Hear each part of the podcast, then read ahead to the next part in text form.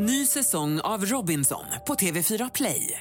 Hetta, storm, hunger. Det har hela tiden varit en kamp. Nu är det blod och tårar. Fan händer just nu. Det. är Detta är inte okej. Robinson 2024, nu fucking kör vi! Streama söndag på TV4 Play. Halli hallå, välkomna till dagens poddavsnitt. Hur mår du Ida? Började vi där? Vem pratar jag som nu? Eh, ingen aning. Jag är så dålig på härmen insåg jag precis. Hallå, hallå. Du tycker det du? Nej! Nej, jag vet inte. Jo, alla härmar henne nu. Det är helt otroligt vad dålig jag är på att härma henne. Men vem är det här? Johanna Nordström. Varför härmar man alla henne? Därför att hon är rolig. Hon är jätterolig, men vad har jag missat? vad har jag missat? Hon har en podd som är jätterolig som jag lyssnar på. Åh, men vet du vad? Jag alltid tänkt det, vi har ju då podd, no shit. Men varför är inte vi så roliga? Alltså på riktigt, varför är inte vi så... jag tycker att jag är ganska rolig faktiskt. Jag ska vara Jo ärlig. men jag tycker också det att vi kan vara lite halvroliga. Men jag det, får en gott och blandat. jag känner inte att vi får ut det.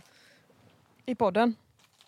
Men alltså, oj. Jag lyssnar på Noosh Poddly-podd och Henrik. Mm. Noosh podd, podd, poddly, podd, podd, podd och Henrik. Den är jättebra. Eh, och de är jätteroliga hela tiden. Det är också två komiker. Ja, Hon, sitter hon, är, hon är i princip boss av parlamentet. ja det är sant. Jag är inte Men du vet riktigt inte, på det den är typ nivån. att de, de, de pratar om någonting och sen så, så tar de det och fortsätter spinna vidare på en mening typ och gör det jävligt roligt. Men det är jag väldigt bra på att göra som privatperson. ja. Är jag inte det? Jo, kanske. Jo. Men inte som Nor och Henrik.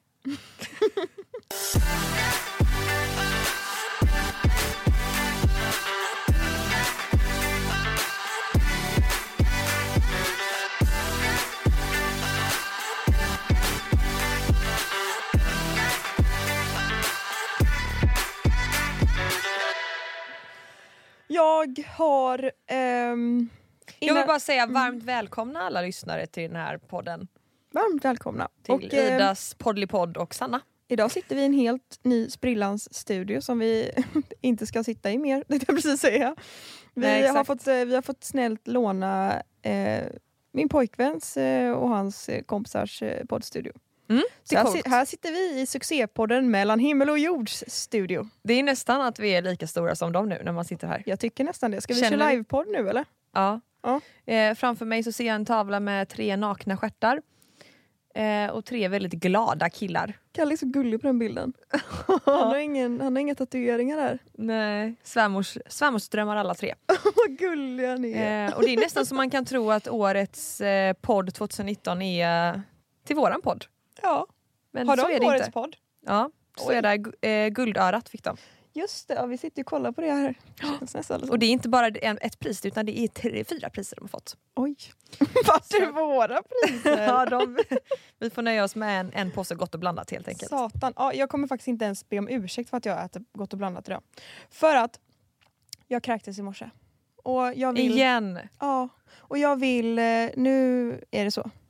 Ja det är klart du ska äta det. Mm. Men jag eh, trodde att ditt illamående var över nu här. Du var ju väl vecka 21-22? Ja, det trodde jag med. Men Ja. det var, så var det inte. För det vanligt är ju att man mår illa, illamående i första då, trimestern och sen så ska det gå över. Mm. Det brukar ju många i alla appar som du har haft har du sagt Säger att, de det? I det, vecka 12 går över. att man, Man man nu mår det kan, antagligen mycket bättre. man kan Nej. vara lugn, att många kan lugna sig med att det går över efter vecka 12. Åh herregud, men för många gör det i och för sig det. Men alltså jag, ehm, jag, har, jag har skrivit en jättelång lista på saker som jag ville prata om idag. Åh, vad roligt! Alltså som jag, jag satt hemma på min kammare innan, innan vi åkte hit och skrev upp de här sakerna. Och jag skrattade samtidigt. Och men då måste det ju vara succé. Det första jag vill fråga Mm. dig, Ja. det är, gud vad ni som lyssnar kommer tycka att det här är så tråkigt. Det här är så typiskt min så här morsa-humor. Ja, men vi frågar så får vi se vad jag tycker om den Jag har bara skrivit som rubrik emojisarnas riktiga betydelse. Oh, ja, men den har jag faktiskt hört lite om eh, innan. Men är det något nytt så får du gärna... Det här kommer ju, det här kommer ju förstöra hela min, jag tänkte säga, min, eh, liksom, eh, min jobb-Sanna. Kommer, det här kommer ju ra- raseras nu. Ja, ja, jag använder ju ofta att, de här emojisarna när jag egentligen vill skriva något annat. Ja, men du tycker att tummen upp är otrevligt? Jag tycker att om man bara svarar typ okej, tummen upp, då betyder det typ okej, ta det i röven. Skit med dig! ja, men det är typ så som jag menar när jag skriver tummen upp. Ja, jag skriver ju den när jag vill vara tydlig och snabb. Liksom. OK, fixar. Jag vet, men jag menar det är typ inte det jag skriver till dig, men till vissa andra kan jag bara så här. ja, tummen upp och så, så här, tänker jag så här, ta det i arslet. Ja, jag, fattar. ja, jag köper det. Ja. Okej, första emojin. Det är, jag får ju visa emojin för dig Ida, så får vi förklara vilken det är, okej? Mm. Eh, jag smsar dig nu. Mm. Så smsar jag, nummer ett. Vad tänker du när jag skriver den här emojin? Det är den här vanliga glada gubben då med stängd mun. Som Och rosiga kinder. Eh, jag brukar aldrig skicka den för att jag tycker att den är lite otrevlig. Visst är den otrevlig? Ja, Men egentligen så är det bara en glad gubbe. Ja, som är lite, lite försiktigt så. Om man skulle skriva hej och en sån. Så så hej hej! Ja. Men eh, det, jag tycker att den är, kan vara, i många, många fall så är den väldigt dryg. Visst är den dryg? Mm. Riktigt dryg. Men skulle man skriva tre på raken så skulle det kanske funkat lite bättre. Om man har tre såna. Jag håller med. Nästa. Bajskorven. Mm. Det är typ mer så här skit också. Ja, Alltså det är det. lite mer eh, eh, det sket sig typ. ja en liten så här. det gick åt helvete men jag är glad ändå. Ja lite så. Det är Ja. lite så. Det gick inte så bra men jag är glad ändå. Är det här din uppfattning eller är det Det här? här är min uppfattning. Ja, okej, ja. Mm. Okej, och sist ut har vi... Ska vi se, vilken var det? Den tog vi innan. Vi tar en ny nu helt enkelt. Eh...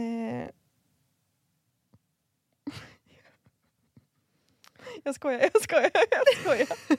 Den tar vi inte. Den tar vi inte. Jo, jag har en. Vad tänker du på när jag skickar den här? En aubergine. Ja, det är ju en snopp. Men egentligen är det en snopp. Nej det är ju en frukt men eh, den har jag faktiskt hört. Eh, många som typ sextar Med den.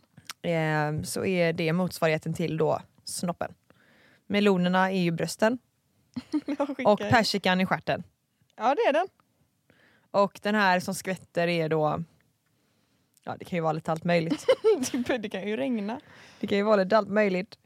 Ja, det är lite Eh, kul. Men den, det är ju en klassiker. Mm. Så då har man ju förstått det är lite så sexrelaterade. Men det var ju absolut inte så roligt som jag tänkte att det var. Jo men lite småkul. Kanske. Eh, det vore intressant att höra eh, om det är några som håller med oss om den här första smileyn. Faktiskt. ja, den här riktigt dryg. Ja. Är, inte är det bara vi som tycker att den är dryg eller är det fler? Mm. Maila oss, nej, DM oss. Ska jag säga en annan sak då? Ja. Mm. Nu har jag en liten prolog här. Jag tycker det är lite mysigt. Jag ligger här i soffan och har prolog. Mm. Det var, jag vet inte ens vad prolog betyder. Det betyder väl när man pratar med sig själv. Monolog. Jaha, monolog. Vad är en prolog då? Vänta, jag måste googla det. Nej, en pro prolog är en inledning till en bok. Prolog. Eller? Eh, prolog etablerar en kontext och ger bakgrundsdetaljer till en berättelse. Ja men handlingen då på en Ja. bok. Ja, en monolog då. Mm. Jag har åkt mycket tåg på senaste tiden. Okej. Eh, och jag har lyssnat på massa poddar. Mm. Och speciellt massa eh, förlossningspoddar. Ah, vad För intressant. nu är jag ju över halvvägs så då tänker jag att nu är det dags att börja förbereda mig själv mentalt inför det här loppet som ska göras. Ja jag förstår. Hur, Mm. hur, hur går tankarna? Hur går känslorna? Nej, och det var det jag skulle komma, ut, komma fram till. Mm. Eh, jag, inte, jag känner inte att jag är rädd för att liksom, trycka ut ungen. Nej. Det är jag inte rädd för. Och verkar sånt innan, det är jag inte rädd för. Nej. Inte för att ta epidural eller inte för att vattnet ska gå. Alltså, jag är inte rädd för något som har med det att göra. Nej. Det jag är rädd för är efter att jag har tryckt ut ungen. Moderkakan. Nej, inte Nej. den heller. Nej, nej, nej. För den tänker jag att det, kroppen är gjord för det. Mm. Tänker jag. Det jag är rädd för är att för jag, jag har lyssnat på en, en, en podd som är väldigt, väldigt informativ och bra ifall att man är gravid skulle jag nog säga. Vad heter podden? Babys podcast heter den. Mm. Och det är typ två, en barnmorska och en läkare tror jag som är med. Så det, de Ja. jobbar ju med det här. Det Liksom. bästa. Jag tycker det är absolut bästa. Ja, Alltså det känns som har- att det är en grym, en, en väldigt, väldigt eh, relevant podd. Mm. Det är inte bara massa struntprat. Eh, men i alla fall, då har jag fått lära mig att eh, efter själva uttrycket av unge, moderkaka, Mm. så, eh, ska de ju kontrollera så att rektum är korrektum om man säger så. rektum är korrektum. Förstår du vad jag menar då? Ja. Och för er som inte vet vad rektum är så, så behöver ni inte googla det för det kan bli lite otäckt. Ja. Men rektum är ju då anus. Mm. Och vad de gör är ju då att de stoppar in ett finger i anus Mm. efter allt det här kalaset är färdigt. Liksom. För att kontrollera så att allt är intakt. Ja. Så att det funkar. Ja.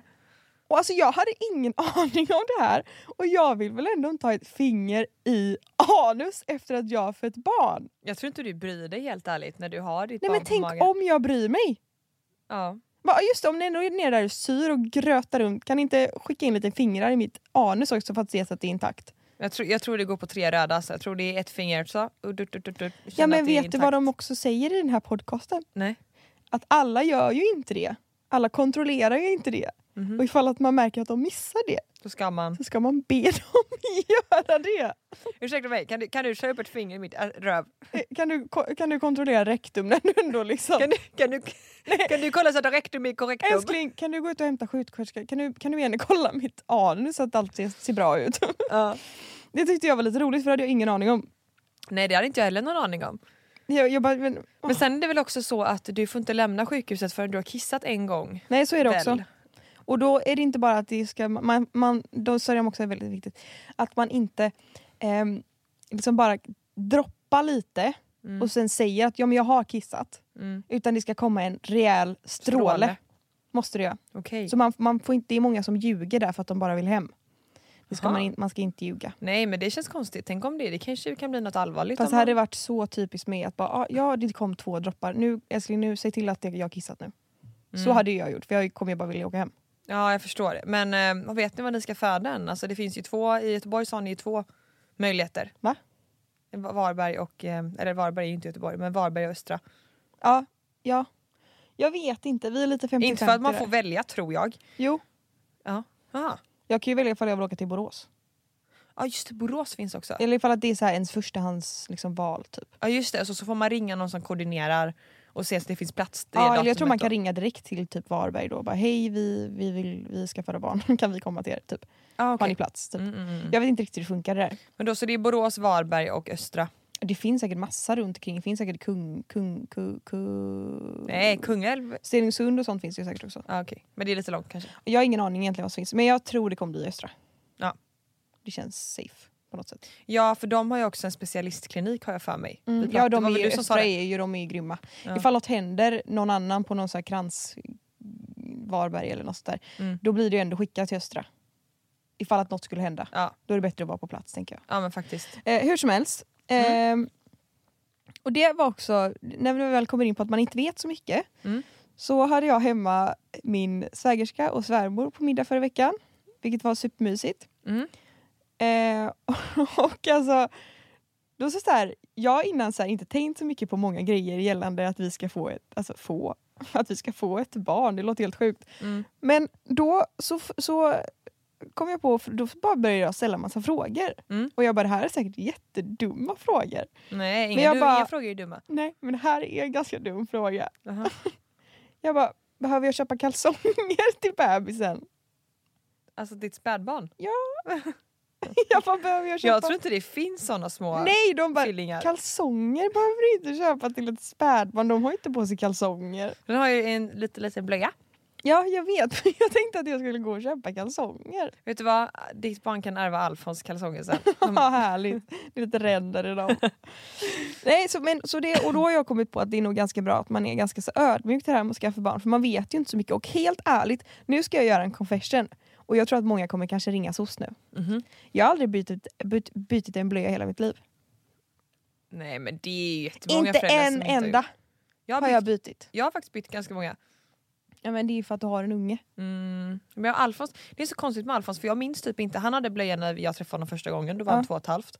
Eh, och ja, då, då bytte jag blöja kommer jag ihåg förresten. Men jag minns inte när han gick från blöja till toalett. Alltså vi pottränade aldrig honom. Han bara gjorde det. Ja, Oj.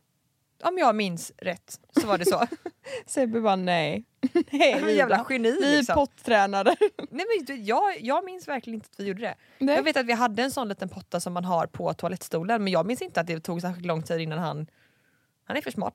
Ja, antagligen. Ja. Nej, så jag tänker att, eh, och jag tror helt, men helt ärligt så tror jag att Kalle är mycket bättre på att byta blöjor än vad jag är. För han har by- bytt ganska många blöjor tror jag. Men jag- alltså, så här, du, kommer, du kommer kunna det som ett rinnande vatten sen. Jag tänker hur svårt kan det vara? Det enda som du ska tänka på det är att hålla nere pillesnoppen. Ja, jag vet. Eller Eh. lägga något för, tänker jag. Jag tänker att jag lägger Ja, något för det, har, det finns ju hur många historier som helst som så här, ja, kiss i ansiktet. Nej men att de har kiss, ja, exakt. kiss i Åh, ansiktet. eller på, fy. men det lär du ju få, du lär ju få kiss på dig i alla fall. Men sen om det kommer i ansiktet det är ju, det kanske du kan köra en sån liten undanmanöver. Kanske. Mm. Ja. Jag såg en jätterolig eh, film på TikTok Mm. eh, som där en kvinna precis hade förlöst då. Det var så här, nyblivna föräldrar så skulle pappa byta blöja på första, Ja. första blöjbytet liksom. Och så skulle, så skulle han eh, knäppa upp och så skulle liksom, la han liksom handen under rumpan och då sket den här bebisen i handen innan han hann liksom ta ut. Åh vad äckligt. Den är inte god. Den är inte god, det är inget man vill åka på. Nej. Men det kommer man säkert göra hundra gånger. Ja. Bajs Och sen tänker jag också så här, du som har mått så illa. Ja. Ehm, nu vet inte jag om det blir ett, ett andra barn överhuvudtaget med tanke på Jo, att jag vill ha tre. Du vill, ja, du vill ha tre barn. Ja. Tänk typ så här, om du fort, mår så dåligt graviditet nummer två Ja. och ska byta en bajsblöja Ja. på det, andra, på, på det här barnet. ja. Den är sjuk. Den är sjuk. Men jag tror jag kommer vara ganska immun mot det. Jag tror att jag är immun mot allt som är äckligt nu. Ja men jag tänker typ jag, att... jag har kräkts allt man kan kräkas. Ja, men men är det inte, kan inte en äcklig lukt typ så här, eh, eskalera? Jo. Eller göra så att du... Jo men det var typ mer i början. Nu är det, nu är jag, nu är det mycket bättre med eh, lukter. Ja okej.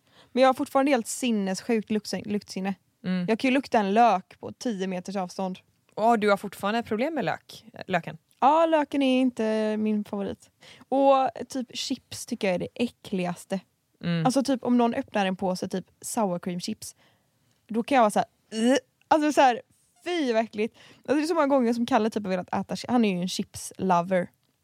Han lever och dör för chips, speciellt typ sour cream. Mm. Om han öppnar det hemma, då kan jag vara såhär, du får stänga igen den här påsen eller sätta dig på övervåningen och äta för att jag kan inte vara här om du äter chips. Så det äckligt är det. så illa. Ja, jag känner, Ja. jag kan vara hemma hos mamma och pappa och det typ står en skål med chips i typ köket och jag sitter i soffan i vardagsrummet. Då kan jag känna det därifrån att bara ställ bort chipsen. Mm. För jag tycker det luktar så äckligt. Mm. Ja, jag köper det. Jag tror att det har med att man har vissa dofter, speciellt att man är så bra på att känna dofter när man är gravid. Jag tror det är för att man ska kunna, jag tror det är från liksom grottmänniskans tid att man skulle känna typ att så här, det här är inte bra att äta. Typ. Att det är därför luktsinnet bara skärps till liksom, när man är gravid. Mm. Ja, För att man ska veta att så här, dit, där är farligt. Men jag menar det finns ju så mycket som, man, som är bra att äta som man också kan må dåligt av menar jag. Ja, typ. Ja men typ, ehm, du kunde ju absolut, ja lök är bra. Ja, är lök bra att äta? Jag vet inte men det är ju inte dåligt i alla fall. Jag har ingen aning. Men, ehm, ja, nej jag vet inte. Men det, det lök är bra att äta. ju himla dåligt exempel. Vad stod det med på din lista då? Jag skrev också ehm, Jag skrev också att eh, förra veckan så hade jag massa ångest. Och jag har inte så ofta ångest. Nej, Jag är ingen ångestmänniska, eller? Det är jag väl inte? nej. Det är Nej, inte ofta att jag har ångest. Nej. Nej inte, Nej, inte som jag har märkt. Ehm, och eh, ibland så... Eh, eller om jag får ju som sagt typ aldrig ångest. Förra veckan så hade jag jättemycket ångest. Okej. Och jag visste inte vad jag skulle göra av det. Men varför eh, hade du ångest då? Jag hade bara ångest över massa saker. Så Typ jag googlade. Jobbrelaterat eller? Ja, blandat. Ja. Så jag, eh, jag googlade. Såklart, som man alltid gör. Jag har ångest, vad ska jag göra? Ja. Ring Men så erkänn, du, erkänn, du skrev, 112! typ- nej, skrev så här. ångest, gravid. Nej jag skrev aldrig gravid. Nej. För det hade inte med min graviditet att göra. Nej men det kanske det kan kunde ha. Ja, jag kunde haft. Men jag skrev bara, vad gör jag? Jag har ångest typ. Mm. Och då så kom jag in på lite olika sidor. Men vad ska man göra? Det var ju många som sa typ sök hjälp. Men jag kände att riktigt där var jag inte. Eh, jag ringer Vårdguiden. jag har ångest! Nej man ska inte skoja om sånt här. Det finns de som har jättejobbig ångest såklart. Så det är inte så jag menar. Men jag, jag googlade. Mm. Och då så hittade jag eh, att man kunde så här, vad är det som ger dig ångest? Och då tänkte jag, vad är det egentligen som ger mig ångest? Mm. Och då så började jag, eh, jag koka med en kopp te. Och så tände jag lite ljus. Mm. Och så satte jag mig på min, vid mitt matsalsbord. Och så tog jag en anteckningsbok och så skrev jag ner saker som gav mig ångest. Mhm. Och det kändes nästan som att när jag skrev ner de här sakerna att det bara försvann. Det rann av mig. Det är nog ett väldigt bra tips. För när jag sen läste igenom mina listor som gav mig ångest, då kände jag att det här är inget att ha ångest över. Nej. Och då så försvann det. Så det är mitt tips. Om man har lite så här, man kanske har lite så här, ja nu ska man börja jobba igen, tillbaka från semestern, du vet, tillbaka till verkligheten, ångest. Då är det nog bra att man gör sånt. Ja, och, Det var ett ehm, tips. ja, jag tycker ett jättebra tips. Eh, ett annat tips är också att pra- eh, prata med någon.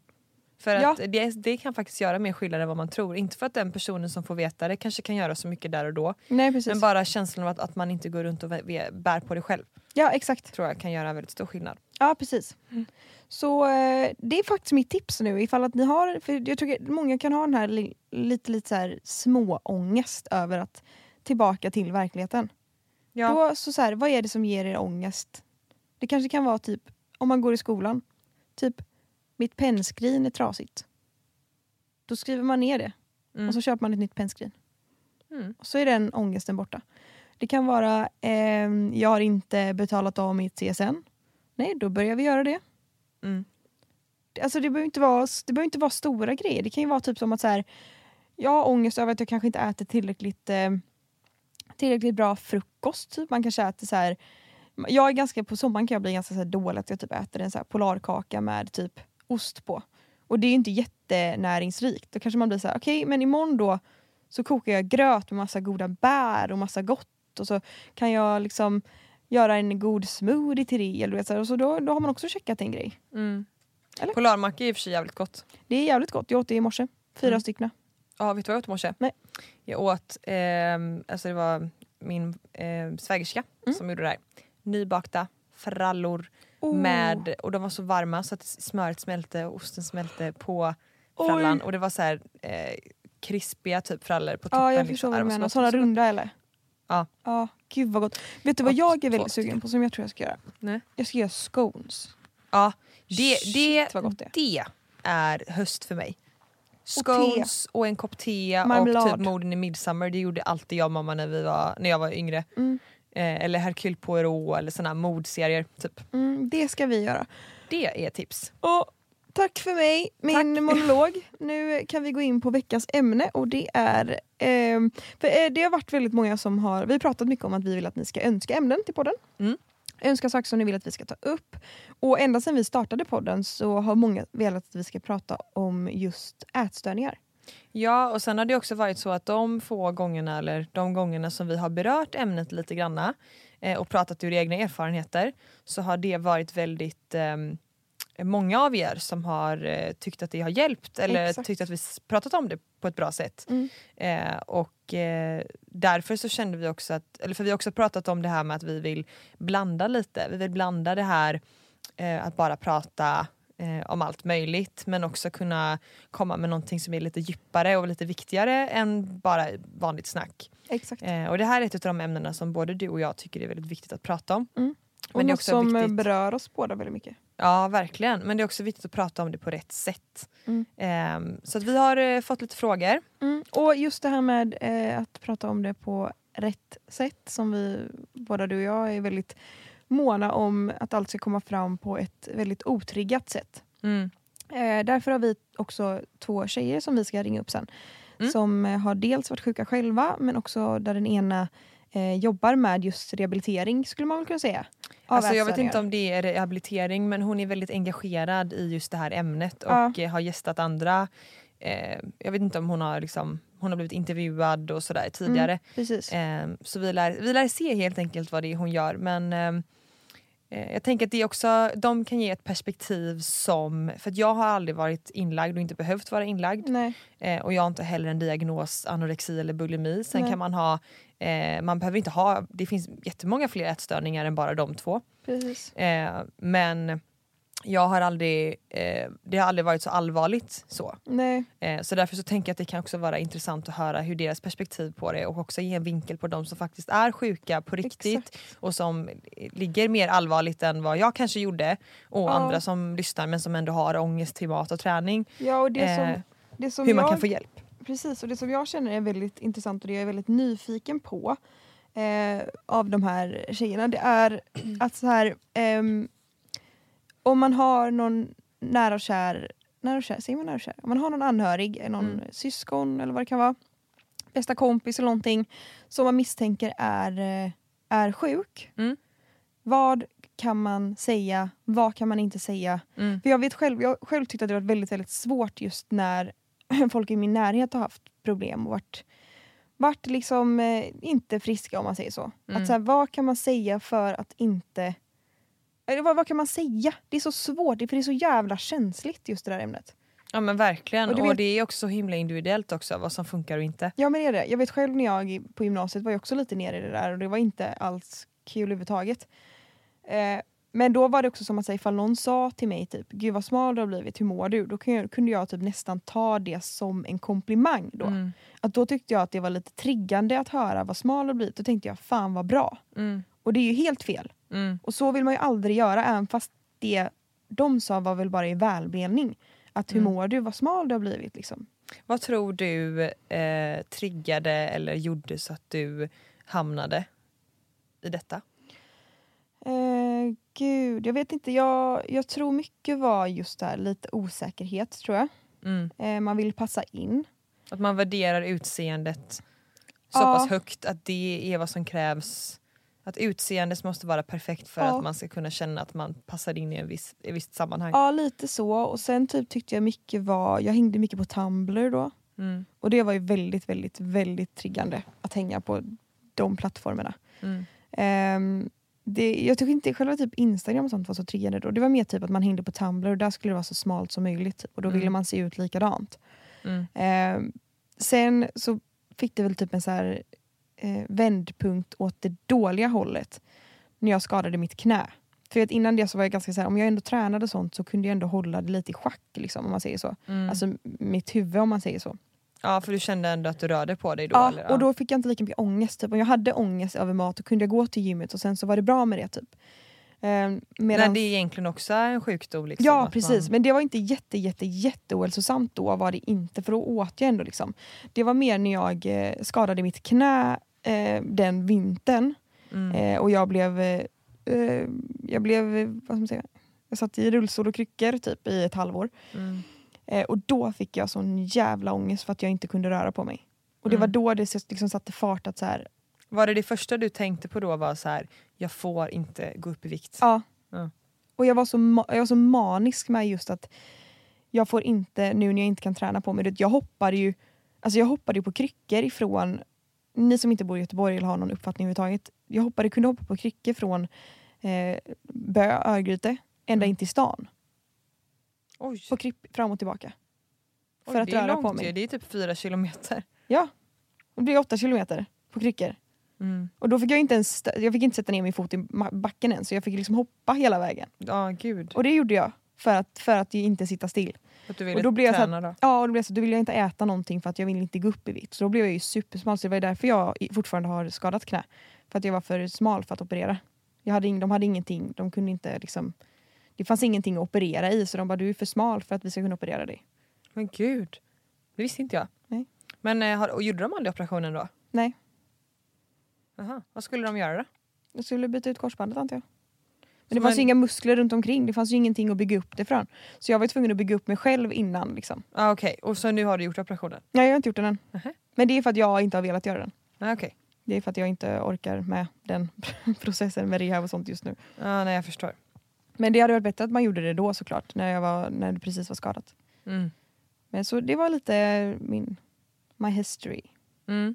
Men sen blev jag, jag, jag har ju väldigt, väldigt fin och stöttande familj som alltid tror jag haft väldigt, väldigt, väldigt bra koll på mig. Ja, och det tror jag är det absolut viktigaste, att man har nära och kära, både familj och vänner som, eh, som stöttar en och eh, tycker om en för den man är och, Mm. och försöker få en på andra tankar och så. Precis.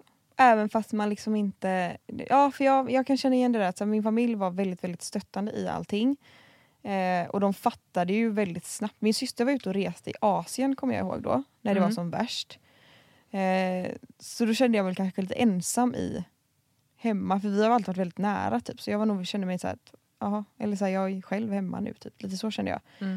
Eh, men så kommer jag ihåg att hon kom hem från Asien att hon bara, men hur ser du ut liksom? Mm. Att hon nästan skrattade åt mig för att jag såg liksom som ett ja, benrangel. Liksom. Och det var väl hon som bara, hur fan mår du? Liksom. mm.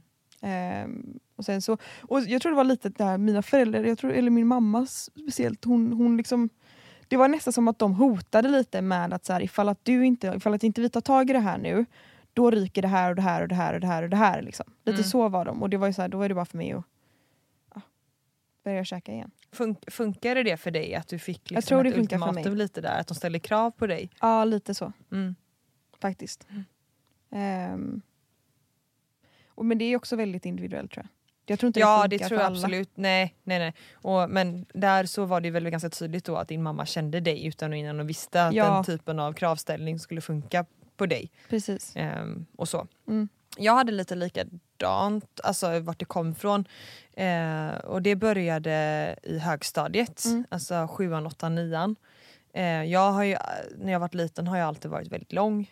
Eh, väldigt långsam, alltså på springa och sånt. Men också eh, ja, vad man kallar smal, långsmal. Liksom. Eh, och eh, när vi började högstadiet så var vi en blandning tjejer helt plötsligt. Där eh, Från den skolan som jag kom från, där var vi inte lika utvecklade och mogna som de tjejerna som kom från den andra skolan var. Precis. Eh, vilket blev en krock till en början för att man ville hänga på de här coola tjejerna då. Eh, och, det ena, och det handlade väl i grund och botten, precis som du säger, om att passa in. Eh, och eh, det började med att man inte ville äta några eh, på lunchen så vill man inte äta en viss typ av mat Nej, för man tyckte att det var fel eller att man kände att det var ingen annan som åt det och man började äta man började liksom äta annorlunda på lunchen och vissa skippade lunchen till och med. Mm. Eh, och sen så började vi med, eh, alla tjejer började med en viss app där man skulle räkna antal kalorier och Mm. sådär.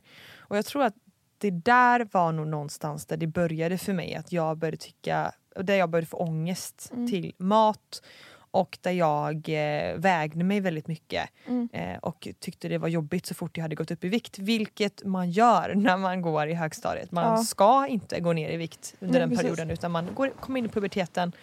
Ehm, så att eh, hela den grejen då. Och det har ju hängt med mig men det har ju aldrig, det enda som jag upplevt eh, liksom, när det kommer till den det har ju varit att jag haft väldigt mycket ångest till mat. Väldigt mycket ångest till träning. Eh, och så vidare. Så att jag har inte och, och jag har vet att jag under en period önskade att jag inte att jag önskade att jag skulle kunnat eh, sluta äta. Ja. Men jag kunde inte det. Nej. Och då blev det att jag istället var hungrig hela tiden för att jag Mm. tänkte hela tiden på att jag inte fick äta. Ja. Och när jag väl åt mat så åt jag dubbelt så mycket mat för Mm. att jag hetsåt snarare och sen så fick jag ångest för att jag hade ätit för mycket. Mm. Så att jag åt ju liksom hela tiden väldigt mycket för att jag var så rädd för att jag visste inte när jag skulle tillåta mig själv att äta nästa Nej, gång. Eh, det låter ju väldigt sjukt och Ja. allvarligt såklart och det var det säkert men eh, det vände någonstans för mig eh, när jag slutade gymnasiet men också kom upp i gymnasiet. Alltså någonstans i gymnasiet så, blev det lite bättre. Mm. Eh, och sen så tog jag tag i mig själv lite och eh, jag kan inte säga att det är lösningen men för mig så funkar så, så jag träffade Sebastian Mm. eh, och kände mig väldigt trygg och accepterad och älskad och Mm. eh, slutade bry mig om att jag behöver se ut på ett visst sätt för att jag ska bli älskad av någon annan. Mm. Eh, men sen så kom jag också igång med en rutin att jag helt plötsligt ändrade mitt sätt att se på träning till Mm. någonting positivt och nu idag så tycker jag ju träning är roligt och jag gör det inte för att det ska stå en viss siffra på vågen. Sen så tror jag liksom alla typer av ätstörningar så tror jag att man kommer alltid få leva med att vissa tankar kommer att vara återkommande då och då Mm. och acceptera att de finns där. Eh, men sen så skillnaden kommer ju vara hur man ställer sig till de tankarna. Ja, precis. Det tror jag. Det tror jag också verkligen. Och jag kan känna igen det som du sa med att man var väldigt nitisk med just våg, just vikt. Ehm, det var så himla himla centralt. Ja. Eh, också för mig att så här, ja, men allt som har med liksom siffror att göra, eh, kalorier, Mått. jag, ja, mått överlag. Eh, jag var väldigt så här, man blev ju proffs på att ljuga under den här perioden. Alltså jag ljög om allt. Mm. Alltså jag ljög eh, om, alltså jag ljög om att eh, till mina föräldrar så sa jag att jag hade ätit middag och skulle göra det hos, eller, eller att jag skulle göra det hos min dåvarande pojkvän. Till min pojkvän sa jag att jag redan hade ätit middag hemma. Alltså till mina kompisar sa jag att jag har redan ätit lunch i skolan. typ. Så att, eh, och jag kommer ihåg att jag planerade in körlektioner varje lunchrast. För att slippa äta lunch. Men det är det här som är så intressant för att mat är ju någonstans det bästa som finns. Alltså, och liksom, tänk då att känna att man måste undvika en god middag med sina kompisar eller med sin pojkvän eller en riktigt god Det var hela lunch. tiden, ja, men för det, var då, det var liksom hela tiden Alltså det var hela tiden att man skulle tänka på att vad ska jag se till att planera in idag som gör att jag slipper äta. Typ. Mm. Och det är också bara så sjukt när man tänker efter på det. Mm. Jag kommer ihåg i eh, början av trean på gymnasiet. Eh, när jag åt lunch med mina kompisar en Mm. gång. Eh, och då åt vi, jag tror vi gick och käkade pasta till lunch på ett ställe som heter Signore. Och när jag käkade den pastan, jag bara det här är min första lunch på typ ett år med mina vänner. Oj. För att jag hade undvikit det Mm. så mycket som möjligt. Ja, det är sjukt. Och liksom, jag, också, jag gick ju väldigt mycket hos specialpedagog, eller gjorde det typ hela tiden med tanke på min dyslexi. Så var jag väldigt, väldigt mycket hos eh, specialpedagog och då försökte jag alltid planera in det på lunchen. När alla andra hade lunch. Så då gick jag upp till henne istället och då kunde jag bara säga till mina kompisar att nej men jag käkar något sen bara för jag ska upp till min specialpedagog. Och för dem var det ju inget konstigt. Mm. Med tanke på att jag de visste ju att jag hade problem i skolan så då gick jag alltid till henne. Så det var Mm. inget märkligt för dem att jag gick dit. Jag tror det är det, det som gjorde att jag, jag blev så jävla, jag blev sånt proffs på att ljuga. Så jag vet att typ när jag träffade Kalle i början då kunde jag också så här, ljuga om saker som jag inte behövde ljuga om. Mm. Och det var Så bara... matrelaterade då eller? Det kunde vara det. Och då, men då var jag ändå inte... Då skulle jag väl själv anse mig själv som liksom frisk om man säger så. Med tanke på att då åt jag ändå och du vet, så här, var, hade en hälsosam inställning till mat igen. Men att jag kunde komma på mig själv att ljuga även fast jag inte behövde göra det. Bara för att det låg kvar. Mm. Typ som ifall att han skulle typ kunna säga typ har du käkat lunch? Så kan jag säga eh, ja det har jag. Fast sen så bara så här, komma på mig själv en kvart senare bara, nej jag har inte alls ätit lunch, jag är hungrig. Eh, vill du äta lunch? Mm. Och det var väldigt konstigt. Och det Mm. var han så här, då fattade inte jag det men han bara, men det här ligger ju kvar från att du har, när du var liksom lite sjuk. Mm. Det ligger ju kvar ditt, det här liksom flyktbeteendet från saker. Mm. Och det kunde vara att jag kunde ljuga om saker som egentligen är helt orelevant att ljuga om på grund av att jag var så van vid att göra det. typ. Mm. Och det har ju blivit väldigt mycket bättre som du sa när du träffade Sebbe att man, liksom, Ja. man fick en annan syn på allting. Och det var väldigt mycket, Kalle var nog verkligen min, min supervändpunkt. Ja, och sen vill man ju samtidigt inte få det låta som att så här, en pojkvän eller en partner är, är lösningen på, min, på vår ätstörning. Nej, precis. Eh, för det är det, behöver det inte vara. Men för mig i den åldern som jämt och ständigt hade jämfört mig och känt att jag behövde se ut på ett visst sätt för att passa in. Mm. För första gången kände mig fin som jag var. Exakt. Eh, så var just den känslan eh, viktig. Eh, och lite avgörande för att känna att jag har någon som faktiskt älskar mig oavsett. Ja, för allt eh, annat blev så himla orelevant Ja, då. När man exakt. hamnar i en sån lycklig relation. Det låter, gud vad töntigt det låter när man säger så. Eh, men när man hamnar i den jag menar, i det liksom stadiet i livet att man är så pass älskad av någon och man har en sån trygg punkt. Mm. Eh, jag har alltid varit väldigt trygg i min familj och hela den biten har alltid varit väldigt så här. Jag har aldrig varit osäker på liksom just att jag är älskad på något vis. Mm. Men det är ju när man får den där, liksom, den Mm. relationen, när man träffar den där jäveln som får en att må så bra. Ja. Då spelar ingenting annat någon roll. För mig och för dig så var det ju absolut eh, ett steg åt rätt håll. Eh, men det och var att- typ- och det att var typ Kalle och då- Sebbe spelade väldigt stor roll för Ja. oss. Jag mådde ganska, jag, eller jag mådde väldigt mycket, alltså jag mådde väldigt bra typ, ja men från och med kanske ett halvår, år ungefär någonstans där. Mm. Eh, innan jag träffade Kalle, men det var när jag träffade Kalle som bara, innan det så hade jag också väldigt mycket så här. jag skulle absolut inte kunna äta pasta till lunch. Typ. Mm. Och, och sen när jag träffade Kalle var det så här, varför skulle jag inte kunna göra det? Varför har jag bara satt det som en regel för mig själv? Mm. Och det var väldigt skönt att det bara så här, det bara droppade när vi träffades. Mm. Ja, det är väldigt så intressant. honey. Vi har ju fått ehm, ehm, väldigt mycket frågor om det här. Jag tänkte att vi passande nog till den här inspelningen skulle ta lite frågor. Mm. Och eh, jag tänker att vi passar väl på att ställa dem när vi eh, har våra, en av tjejerna på tråden. Ja. Ehm, som jag tänker skulle kunna komma med eh, deras syn på det helt enkelt. Så att vi ringer upp Hanna. Ja. ja, hon är väl den som har, eh, vad ska man säga, gästat lite andra intervjuer Ja. och så vidare. Hej, det är Hanna. Hej Hanna, det här var Ida och Sanna. Hej! Hej! Hej, hur är läget? Jo, men det är helt okej idag faktiskt. Ja, vad härligt. Är du ute och går eller är du... Eh... Jag sitter ute. Är det dåligt ljud? Nej, Nej. det blir bra. Vad, Vad bra. vad, vad glada vi är att du vill, eh, vill och kan gästa. Ja, men jag tycker det är jättekul att få gästa. Eh, och vi har ju redan innan jag och Sanna berättat lite om eh, våran... Eh, jag har ingen diagnos eller så, men jag har haft eh, ångest eh, relaterat till både mat och träning och Sanna har haft eh, anorexi. Eh, och, men du kan väl berätta lite om din resa till att börja med. Du har ju skrivit en text till oss, men du får gärna berätta om den så att alla får veta lite om dig och så. Ja, absolut. Alltså, det hela började väl egentligen för sju, åtta år sedan. Då jag tänkte att jag inte var nöjd med mig själv och tänkte att ah, men det blir säkert bättre ifall jag blir smalare. Och jag var inte överviktig eller något sånt, men jag tänkte att man ska ju vara smal. Så jag tänkte att men det, det ska jag bli då. Mm. Eh, och sen så gick det hela lite för långt och jag hamnade till slut i att träna flera gånger om dagen och inte äta överhuvudtaget. Och jag fick aldrig diagnosen anorexi, men jag tror att jag var väldigt, väldigt nära. Mm. Ehm, och sen så fortsatte det här tills det att jag började hetsäta eh, då och då, som man ibland gör. Och fick istället för två år sedan diagnosen bulimi. Ehm, och det är där jag är idag. Okej, men är det är bulimi alltid att man hetsäter och sen kräks eller kan det vara att man bara hetsäter? Alltså det kan vara att man bara hetsäter. Sen så kan det vara så att man... Det finns fyra olika typer av bulimi. Mm. Och det är både att man kräks, det kan vara så att man laxerar, att man eh, tränar väldigt, väldigt hårt efter att man ätit eh, eller att man kompenserar genom att inte äta alls typ dagen efter eller ja, sådär. Mm. Och vad tror du, eh, för att vi var lite inne också på så här vad vi tror eh, var grunden till att vi fick eller började få fel syn på mat och träning.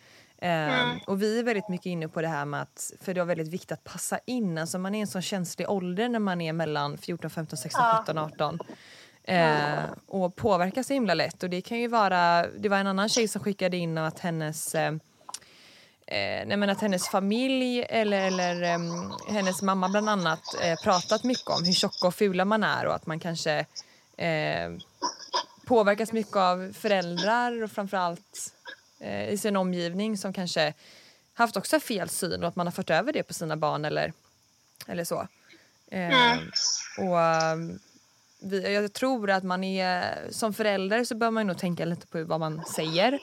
Eh, och att man ska vara kanske tvärtom istället, en förebild. Men jag tänker också att det är svårt när man hamnar eh, i puberteten och jämför sig mycket redan som det är. Och varför... Ja, det är intressant att man hela tiden känner att eh, målet om att vara så smal som möjligt är nyckeln till att vara lycklig någonstans. Ja, det är så konstigt vart det kommer ifrån. Alltså vem är det som har bestämt det? Mm.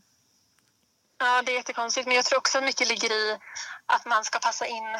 Och någonstans är ju smal lika med idealet. Ja. Och då när man är, alltså man vill ju så gärna vara som alla andra och man vill vara populär och man vill vara fin. Och då tänker man ju att man ska vara smal. Mm. Ja, men, Men, sen så kommer det ju till att, man, alltså att det aldrig räcker. Alltså även ifall man tycker att ja, men jag ska väga det här så går man ner till det. Men då tycker man ju alltid att nej, men jag kan nog gå ner lite till. Jag kan alltid bli lite smalare för då blir jag lite bättre. Alltså det tar ju alltid slut och där är ju faran. För då kommer ju ätstörningar. Ja, Det kan ju bli riktigt allvarligt. Eh, vi har fått lite frågor av eh, de som lyssnat och tänkte att vi kunde bolla några med dig. Mm, absolut. den första frågan är, tycker ni att man måste träffa en läkare för att kunna säga att man har en ätstörning? Det gjorde inte jag. Jag träffade ju bara kurator på skolan. Vad tycker Ja, du? jag- En ätstörning, alltså att om man ska få en diagnos så måste man ju träffa en läkare. Eh, om man ska få det på papper. Men har man en dålig syn på kropp och mat och tänker mycket på vad man äter och hur man ser ut, alltså då har man ju en ätstörning. Ja.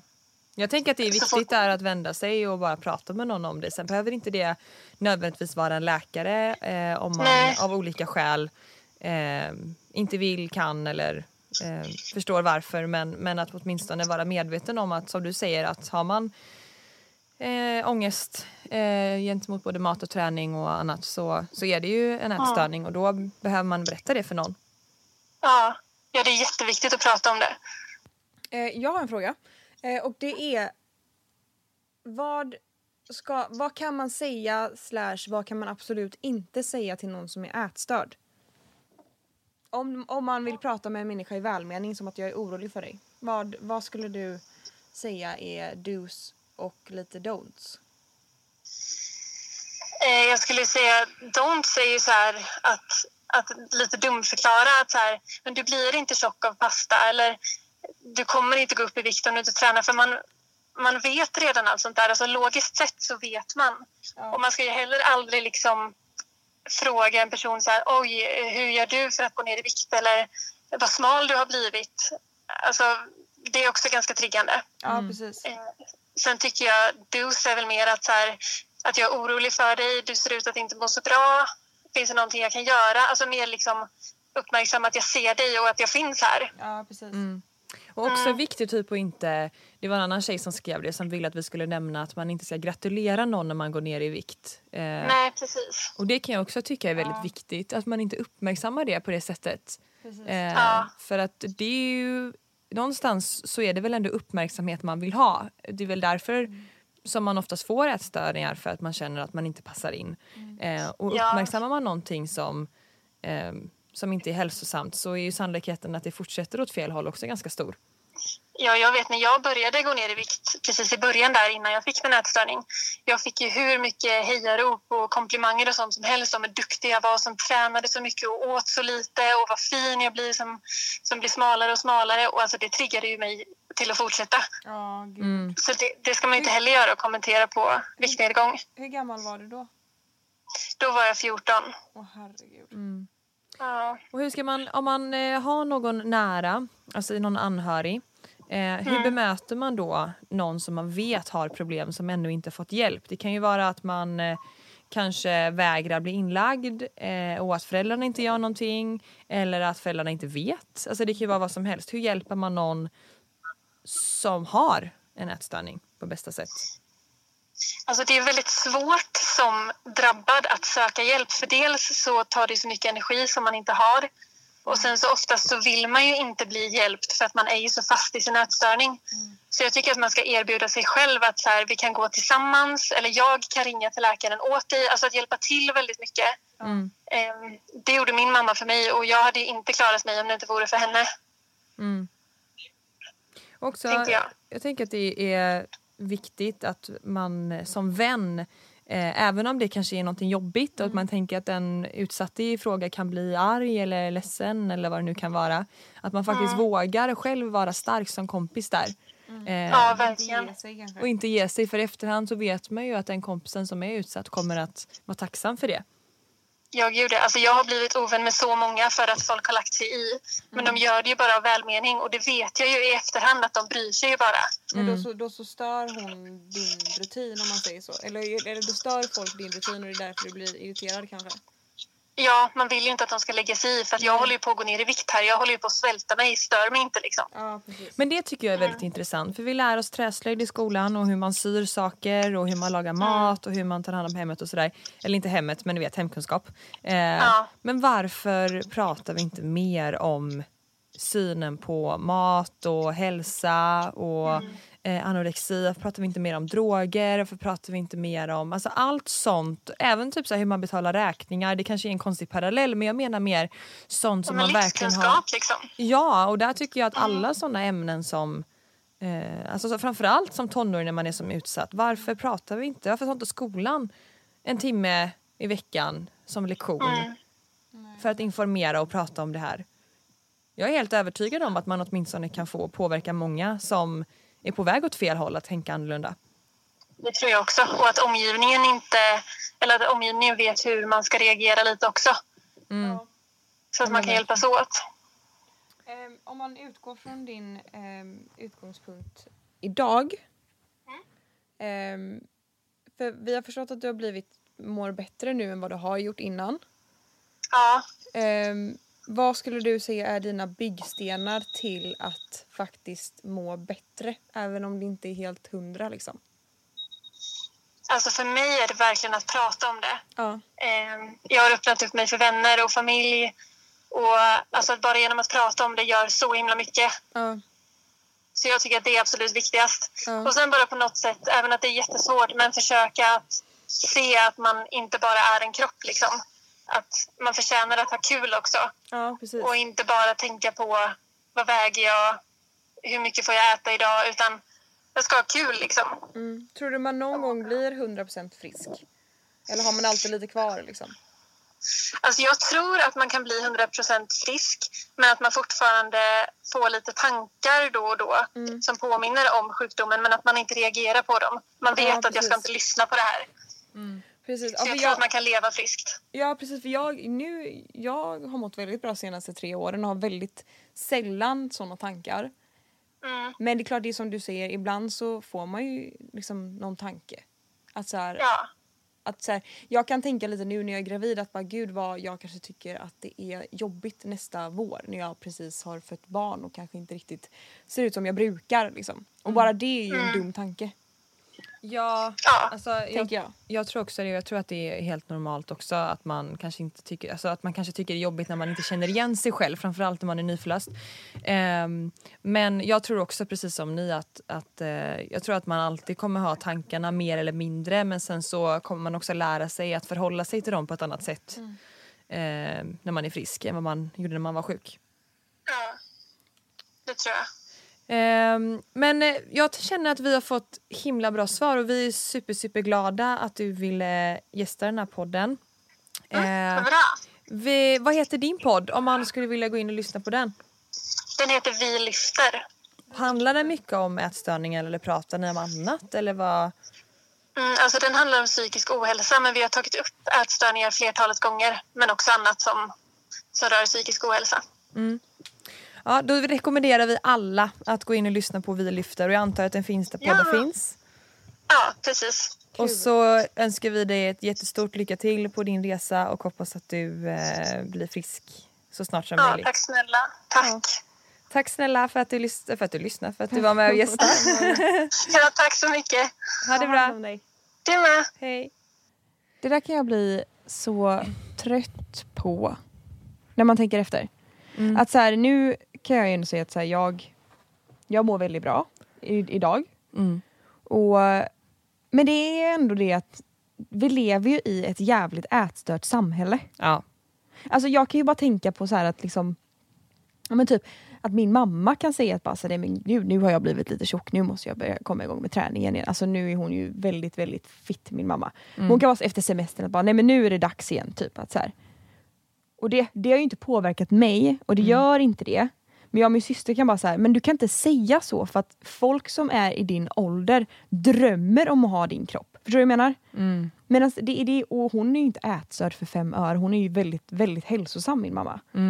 Men att man ändå så här, man lever, det är ju för att vi är uppvuxna i ett sånt samhälle. Det är som min mormor kan typ klaga på att hon tycker att hon är, att hon är, lite, att hon är lite rund. Liksom.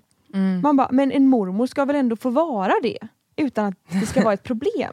Ja, Eller och jag, tänker, men jag tror också att det har mycket att göra med den generationen som, Ja. som våra föräldrar är i. Ja. Eh, och mormor och jag tror att- kvinnor överlag. För jag vet ju att både min mamma och mormor har hållit på med Viktväktarna och bland annat och såna grejer och jag tror inte det har påverkat mig särskilt nämnvärt heller. Nej, precis. Men vi fick ju faktiskt en tjej som skrev till oss och upplevde det som att hennes mamma i det här fallet har ehm, pratat mycket om hennes utseende, att hon är missnöjd och att det har triggat henne. Så jag tror Ja. absolut att man kan bli påverkad utav det. Jag hade kompisar Eh. när jag var liten vars mamma sa att eh, så här, du har nog gått upp lite i vikt nu, vi, vi får nog ta och börja träna lite med dig. Mm, jag har också man typ en, 12. en kompis mamma som har sagt det.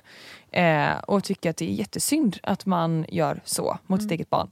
Eh, men jag tror att vi som är mer medvetna och som har levt i sociala medier och blivit utsatta på ett helt annat sätt än våra generationsföräldrar är.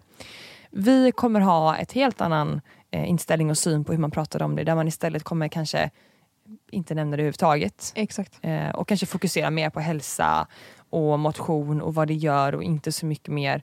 Alltså det är självklart fortfarande viktigt att röra på sig. Det är jätteviktigt för hjärtat och om man ska allt. leva ett långt liv. Och liksom, men, in, men ta bort fokuset från vikt. Jag tror också det. Och just utseendet kanske också. Ja. Vikten tycker jag, för det, det bryr jag mig inte om. Nu har jag inga problem, sen jag blev gravid har jag inga problem överhuvudtaget att ställa mig på en våg. Inte alls. Men jag tror ändå att det är så här... ja, jag vet inte. Jag tror att eh, man ska ta bort fokuset från just vikt, utseende och mått. Mm. Det blir så orelevant liksom. ja. Vi har en sista gäst. Hej du Åse. Hej Åse, det här var Ida och Sanna. Ja, hej. Varmt välkommen till våran podd. Ja, tack så mycket. Vi, Tack ehm, så mycket. vi har ju eh, ett väldigt viktigt ämne i veckans podd eh, som handlar om just ätstörningar. Ja, precis. Eh, och du har ju själv lite erfarenhet av det här. Ja, det har jag. Eh, kan inte du berätta vad du har varit med om och lite, din resa lite kort så att man får en uppfattning om var du, var du kommer ifrån? Ja, absolut. Eh, allting, alltså, allting började väl när jag gick i årskurs sex egentligen. Det var då det liksom började grunda sig, det här med idealen. Jag började komma in i puberteten. Jag hade väldigt dålig självkänsla.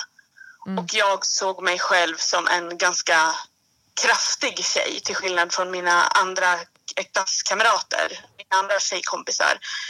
Och eh, min uppfattning om de andra tjejerna var att de väldigt gärna ville bli sedd av killarna och de var så himla populära och de var så himla coola så att jag ville väldigt gärna vara som dem.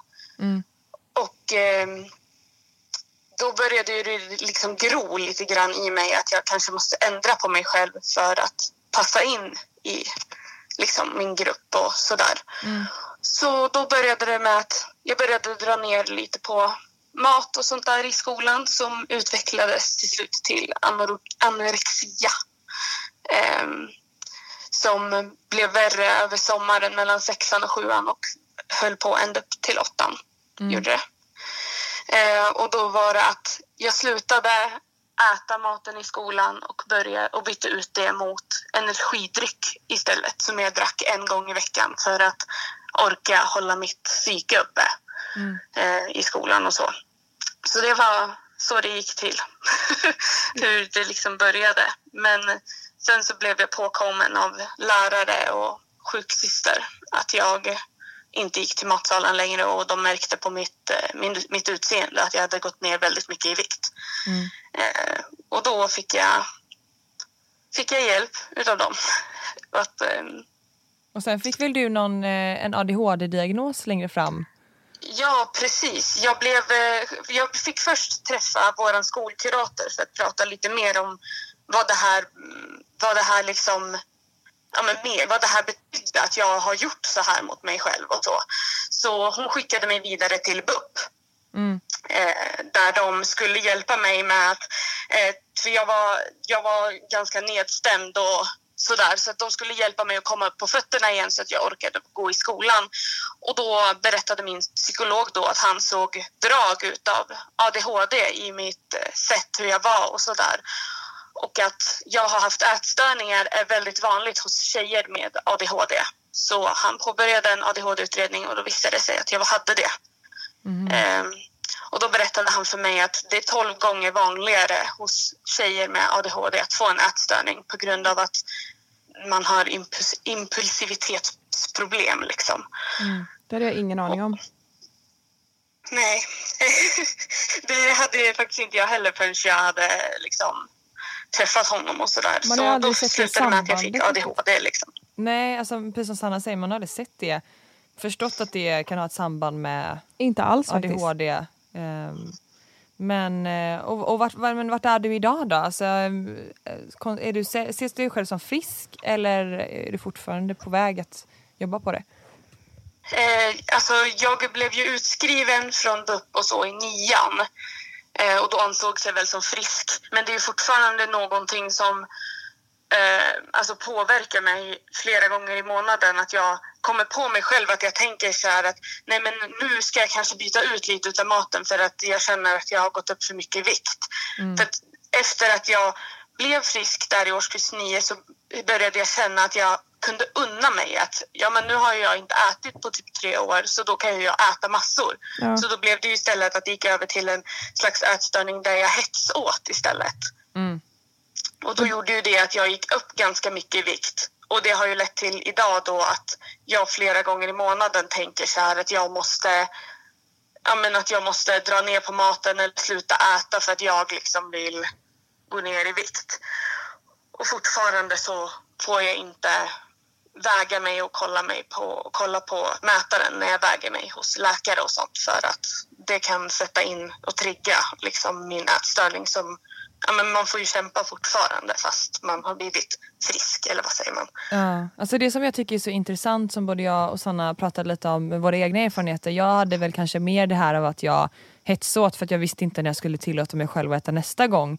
Um, Men samtidigt så hade jag, har jag ingen diagnos på det heller men, men det var att jag haft väldigt mycket ångest i mat och Sanna hade kanske snarare tvärtom. Att du, Att man inte skulle äta liksom. Ja men exakt. Eh, men att nu har vi pratat med både dig och en annan eh, tjej eh, och både jag och Sanna och båda, alla vi fyra verkar ju kunna skriva under på att det börjar någonstans i högstadiet, gymnasiet och det grundar sig i att man vill få en känsla att man ska passa in och vara omtyckt och få uppmärksamhet. Ja. Eh, och var det kommer ifrån. Men det jag får så ont i hjärtat av med, med din historia det är att du var så ung, alltså 12, alltså 12 år går man väl när man går i sexan? Nej? Ja. Ja. Mm. Alltså 12 år, det, det är ju, man är ju ett barn då. Mm. Då ska man ju egentligen typ eh, fortfarande leka typ teater och, och äta glass Bygga varje dag. Bygga typ. kojor. Det var Ja, typ det jag gjorde när jag var 12. Mm. Men det som var grejen det var att jag hade ju precis bytt skola från en annan där man lekte med pinnar och fortfarande lekte till att komma till den här skolan där utseendet var, ett, var ett så himla, en så himla stor grej. Jag kommer till exempel ihåg en gång när vi stod i omklädningsrummet och så säger en av de coolaste tjejerna så här till mig, för jag har alltid haft ganska stora bröst. Det har, alltså sen jag kom in i puberteten så har det varit en grej att jag haft så stora bröst. Och då kommer jag ihåg att hon sa så här att om man, och så om man tar dina bröst och sen så tar vi rumpan från den där tjejen och min mage då får man ju verkligen en drömkropp. Det var liksom, hon liksom Redan då? plockade ut Ja, redan då så pratade vi om det och hon berättade för mig hur jag skulle framhäva mina bröst för att killarna skulle börja prata med mig i skolan och liksom hur jag skulle liksom kanske ta på mig ett par lite tajtare jeans för då drog jag in midjan och då skulle jag se bättre ut liksom. Men gud. Men det jag undrar är, för det första så kan man ju undra vart det här kommer ifrån från en så ung tjej som var i samma ålder som dig, det vill säga 12. Men också, alltså att, allting, att det ligger så mycket i utseendet, det gör ju det fortfarande. Sen så är ju vi alla den generationen som vuxit upp med sociala medier på olika sätt och det är väl klart att man påverkats väldigt mycket utav det. Ehm, Men ehm, ja, det, det är sjukt. Men, men du har ju också lite nya erfarenheter och vänner. Jag tror att eh, de som, många av de som lyssnar, och när vi har pratat om ämnet ätstörningar så är det många som har skrivit som har varit väldigt sjuka eh, och som kanske inte alltid fått hjälp. ehm, som kanske är oroliga för hur det här med behandling och sånt ska gå till och att man kanske bara ser det som en stor eh, och jobbig och tråkig grej som man inte vill. Ehm, Kan du inte berätta lite om, om din erfarenhet kring att vara inlagd och eh, vad du Vad har tagit man med dig liksom? därifrån? Ja, alltså egentligen så... Alltså de, de är så jäkla duktiga på det de gör när man väl får hjälp. Alla, allas vad heter det, resa är ju helt olika. Men just min var bara så att jag fick sitta och prata med det var lärare och eh, min psykolog från BUP. Och sen satt vi och pratade om det jag hade svårigheter med och att jag inte ville äta inför folk för att jag ville inte jämföra vad som låg på tallriken. Det var mycket så här mest prat. Och sen gjorde vi själva rehabiliteringen i skolan. Då fick jag äta bara jag tillsammans med en lärare i matsalen. Eh, så det var mycket att man... Eh, ja, men att vi bara alltså, samtalade mycket och hade mycket kontakt. Men jag skulle liksom göra den stora resan själv. Liksom. Att, jag, att jag fick komma till den insikten. För jag trodde ju inte ens att jag var sjuk. Det var ju det. De fick ju liksom intala mig att men Åsa, det här är inte normalt. Nej. Men för mig så var det ju det. Så att jag fick ju liksom min, min liksom hur min resa från att vara sjuk till att vara frisk var ju bara mest att samtala och sen väga mig och äta tillsammans med en lärare under skolan för att se till att jag åt ordentligt och inte jämförde vad som låg på tallriken. Eh, så det var så det var för mig i alla fall. Men sen så har jag ju kompisar som jag har pratat med nu i efterhand som också varit sjuka som blev verkligen inlagda på ätstörningscentret och de berättade ju att de satt ju i en liten grupp och försökte äta två köttbullar. Liksom. Ja. Så det är väldigt olika hur de går tillväga. Liksom. Och vad, eh, om man säger så här, vad skulle du... Eh, för jag tror att det är extremt många unga tjejer och säkert äldre också som lyssnar på det här och eh, känner igen sig mycket av det som vi har pratat om idag. Vad skulle du vilja säga som har varit sjuk och är på väg att bli frisk? Eller ja, ja, man blir väl kanske aldrig riktigt frisk men ja, du förstår. Ja. Vad skulle du vilja säga till de som lyssnar som är sjuka eh, som du tror skulle kunna hjälpa dem ett steg åt rätt håll? Eh, alltså allt jag kan liksom ge som tips och, alltså är att försöka att tänka bara utifrån dig själv. Du ska inte, man ska inte jämföra sig så mycket med andras resor för att jag har erfarenheten av att man tänker att andra har alltid värre. Men man får liksom alltid utgå ifrån sig själv och det finns hjälp att få och att det kommer vara jätte, jätte, jättejobbigt.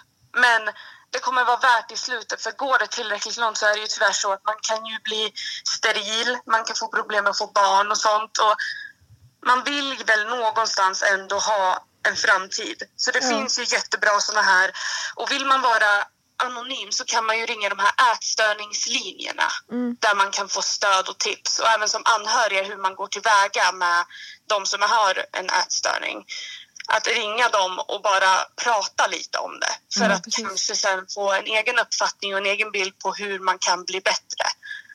Eh, och är man väldigt ung så ta hjälp utav alltså lärare. Lärare är fan bättre än vad man tror. Alltså, Det var ju de som hjälpte mig liksom.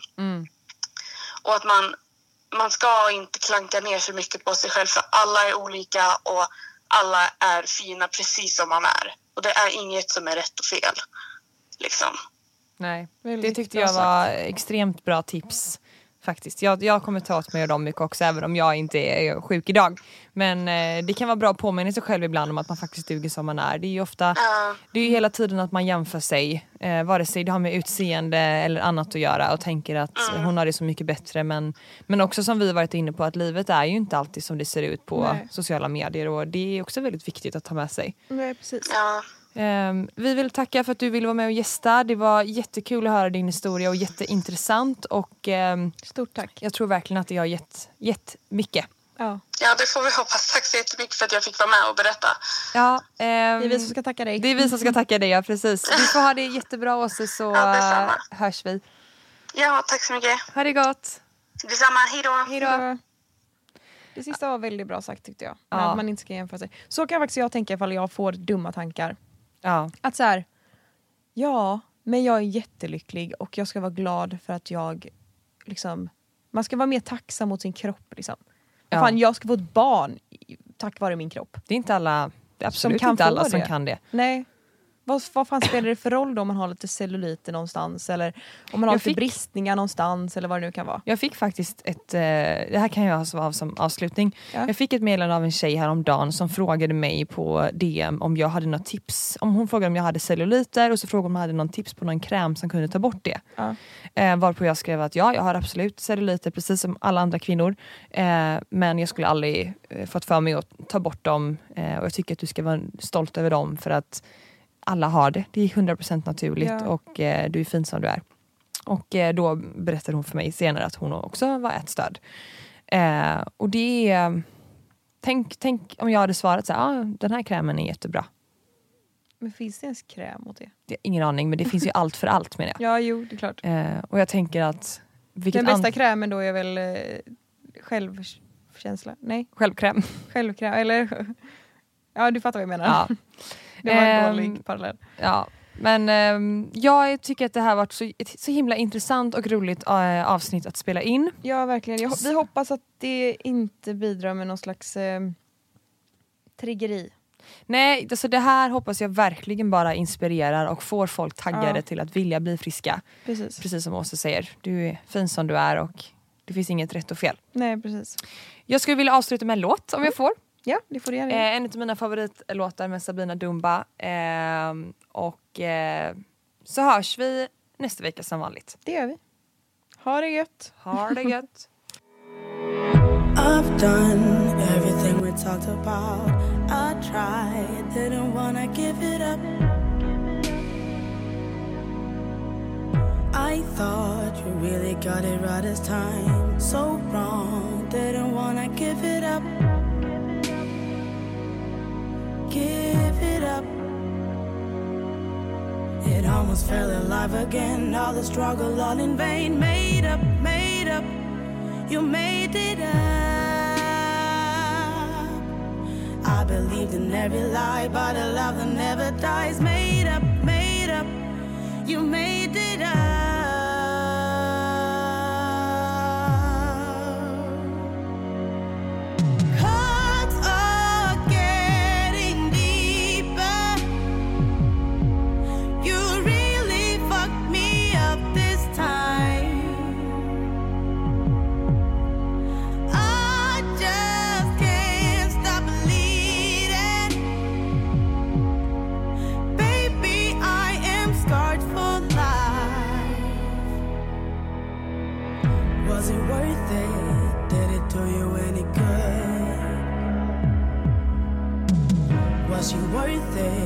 Did she do you good? Every night I had to wait, telling me you working late. Made up, made up, you made it up. I remember what you said, and it echoes in my head. Made up,